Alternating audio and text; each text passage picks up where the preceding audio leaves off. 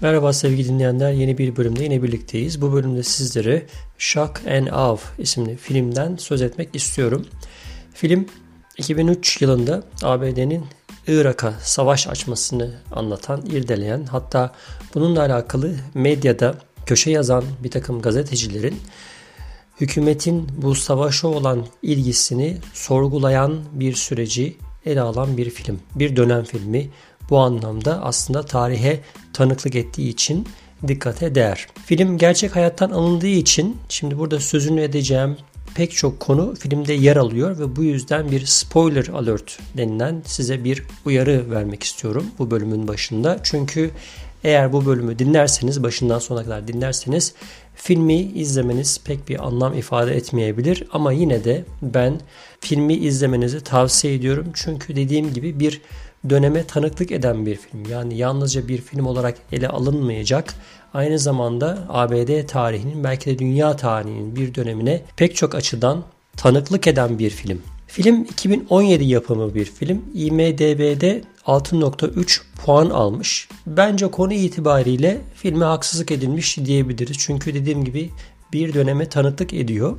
Hak ettiği konumu bulamamış diyebiliriz. Epeyce bir süredir aslında benim izlenme listemde yerini alıyordu. Sonunda fırsat bulup izleyebildim. Aslında 90 dakikalık çok üzmeyen, yormayan, izlemesi kolay bir filmde diyebiliriz. Aslında oyuncular da fena değil. Yani bizim çok yakından tanıdığımız Woody Harrelson, Tommy Lee Jones gibi ünlü aktörler de var. Buna rağmen film box office kişilerinde umduğu başarıyı yakalayamamış diyebiliriz. Film Amerika'nın hep güçlü bir devlet olarak kalabilmesi için özgür ve bağımsız medyanın gerekliliğine atıfta bulunan bir söz ile başlıyor. 11 Eylül sonrası Başkan Bush yönetimi saldırıları üstlenen ve Afganistan'da yaşadığı söylenen Bin Laden'in peşine düşmek yerine Irak'a savaş açmaya hazırlanıyor. Gerekçe olarak da Saddam Hüseyin'in Bin Laden ve benzeri terörist gruplara desteklediğini, daha da önemlisi nükleer silah üretmek için bir takım hazırlıklarda bulunduğunu ve bunun ABD ve İsrail için ciddi bir tehdit oluşturduğunu iddia ediyorlar. İddia devlet görevlileri tarafından gazete küpürleri delil gösterilerek gerçekmiş gibi sunuluyor.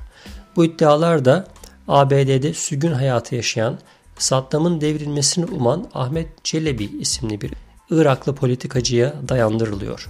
Kitle imha silahları yani Weapons of Mass Destruction denilen bir takım nükleer silahların Irak yönetiminin daha doğrusu Saddam Hüseyin'in elinin altında olduğu ve bunu her an ABD'ye karşı kullanabileceği riskine binaen bu savaş başlatılıyor aslında. Tüm bu süreç devam ederken Night Reader isimli bir medya kuruluşu bu aslında bir konsorsiyum olarak da geçiyor.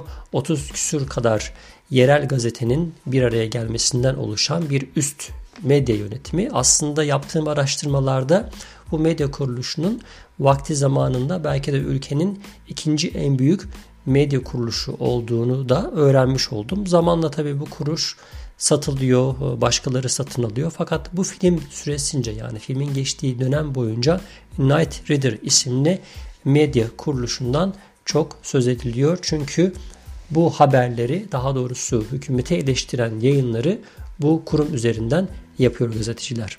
Hükümet içinden isminin açıklanmasını istemeyen bir grup yetkili de bu iddiaların yani kitle imha silahlarının Saddam Hüseyin'in elinde olduğu iddialarının tamamen hayal mahsulü olduğunu, hükümetin ne yapıp edip Irak'a savaş açmayı kafasına koyduğunu söylüyor. Bu söylentiler bu Night Reader isimli medya kuruluşunda dile getiriliyor. Tabi bu arada araya girip bir parantez açalım.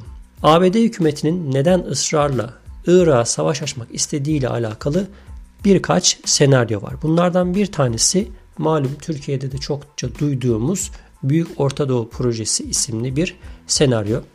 Buna çok girmeyeceğim. İkincisi Fahrenheit 9-11 isimli belgesel vardı. Daha önce de burada sözünü etmiştik. Michael Moore tarafından hazırlanan belgesel.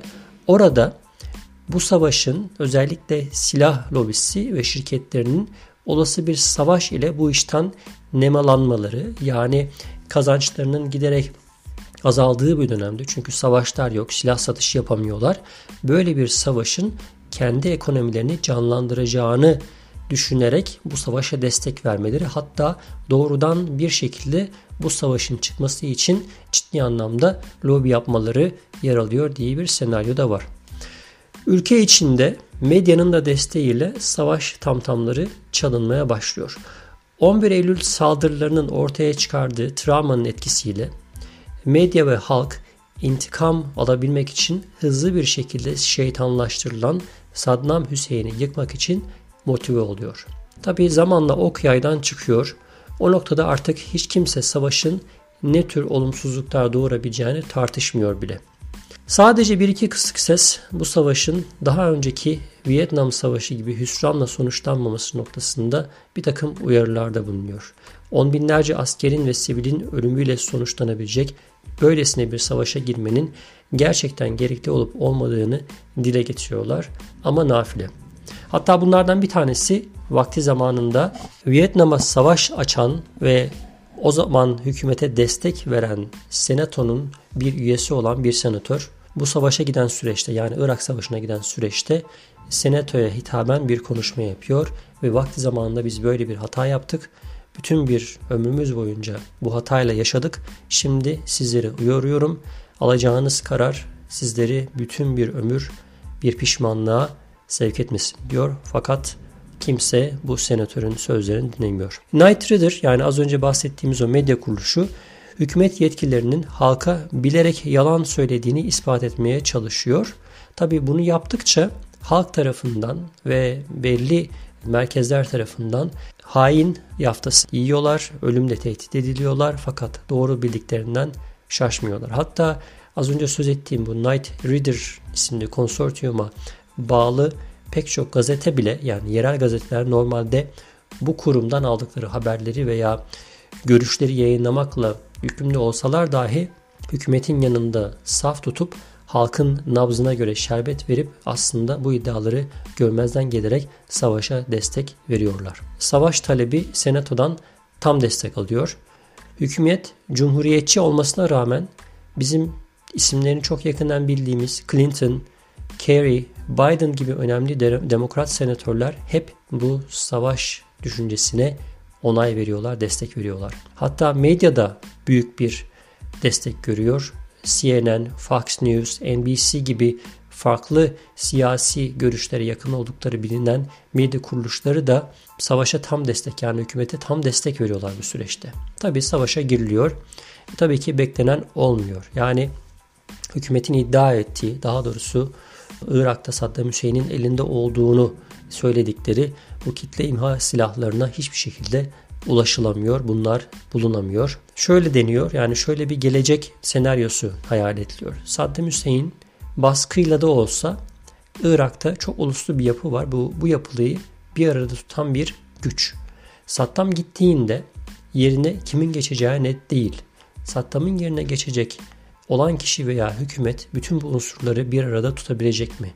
Bir iç savaş çıkma ihtimali çok yüksek. Çünkü bu unsurların her biri kendi devletlerini, kendi yönetimlerini ilan edip daha da ötesinde e, bir sınır kavgasına, bir toprak kavgasına girdiklerinde bütün bu yapıyı bir arada tutabilecek bir güç olmayacağı için çok uluslu bir yapının da malum iç savaş olmadan, kan dökmeden hiçbir şekilde rahatça böyle bir barış şeklinde e, sınırların çizilemeyeceği de göz önünde bulundurulduğunda ortaya çok ciddi bir bilanço çıkıyor diye uyarıda bulunuyor bu gazete artık son uyarısını bu şekilde yapıyor. Böyle bir editorial denilen bir e, yazı yayınlıyorlar ve kenara çekiliyorlar. Tabi savaş oluyor, ölümler gerçekleşiyor, aradan zaman geçiyor, bu kitle imha silahları hiçbir zaman bulunamıyor. Filmin sonunda bu gazetecilerin, bu mücadeleyi veren gazetecilerin gerçek görüntüleri yer yer belli söyleşilerde veya belli konferanslarda yaptıkları konuşmalardan da küçük kesitler verilerek gerçek hayattaki kimlikleri de e, filmde yer almış. Aradan yıllar geçiyor tabi bu gazeteciler haklı çıkıyorlar. Medya kuruluşları bunlarla röportaj yapıyor. Bunların hikayelerine bir şekilde o dönemde yani iş bittikten sonra artık olayın üzerinden yıllar geçtikten sonra ilgi göstermeye başlıyorlar. O dönem savaşa tam, tam destek veren hatta gizli silahlar olduğu iddiasını yayınlayıp hükümete bir şekilde delilmiş gibi sunan ve bu delil neticesinde halkı ikna etmesini de aslında sağlayan New York Times gazetesi bile aradan geçen onca seneden sonra ortaya çıkan manzaradan dolayı halktan özür diliyor. Böyle bir gerçekte var. Yaptığım araştırmalarda bu özür yazısına da ulaştım. Savaşın bilançosu tabii ki ağır. On binlerce ABD askeri hayatını kaybediyor. Daha fazlası sakat olarak, gazi olarak ülkeye dönüyor. Tabii daha ağır bir tablo Irak ve halkını bekliyor. 1 milyona yakın Iraklı'nın hayatını kaybettiği söyleniyor. Malum hala daha Irak bir şekilde toparlanabilmiş değil. ISIS çıkıyor ortaya. Ee, biliyorsunuz o bölgede hemen her gün bir bombalı saldırı var. İnsanlar sürekli hayatlarını kaybediyorlar. Özetle bu filmi izledikten sonra gerek ABD olsun gerek dünya genelinde olsun şöyle bir düşünce, şöyle bir sonuç aklıma geldi. Belki de böyle bir çıkarımda bulunabilir istiyorum. Yani özgür medya evet var. ABD'de her şeyi eleştirmek, çok marjinal fikirleri şiddete dönüştürmedikçe dile getirmek mümkün. Ama inkar edilemeyecek bir gerçek de var ki ister istemez hükümet veya gücü elinde bulunduran kimseler özellikle sermayenin elinde bulundurduğu medya kuruluşları istediğiniz kadar e, bağımsız medya olsun çok güçlü bir sese sahip oldukları için özellikle günümüzde medyanın çok büyük bir kesimin elinde tuttukları için onların söyledikleri, onların yaptığı değerlendirmeler yer buluyor. Her ne kadar günümüzde bu özellikle son seçim döneminde Cumhuriyetçi ve Demokrat ayrımı özellikle Trump'tan dolayı bir ayrım varmış gibi gözükse de genel itibariyle özgür ve bağımsız medyanın hep sesi kısık çıkıyor. Özellikle ABD'de malum dünyadan da kopuk bir ülke doğruları ve e, gerçekleri öğrenebilmek için halkın çok ciddi bir çaba harcaması gerekiyor.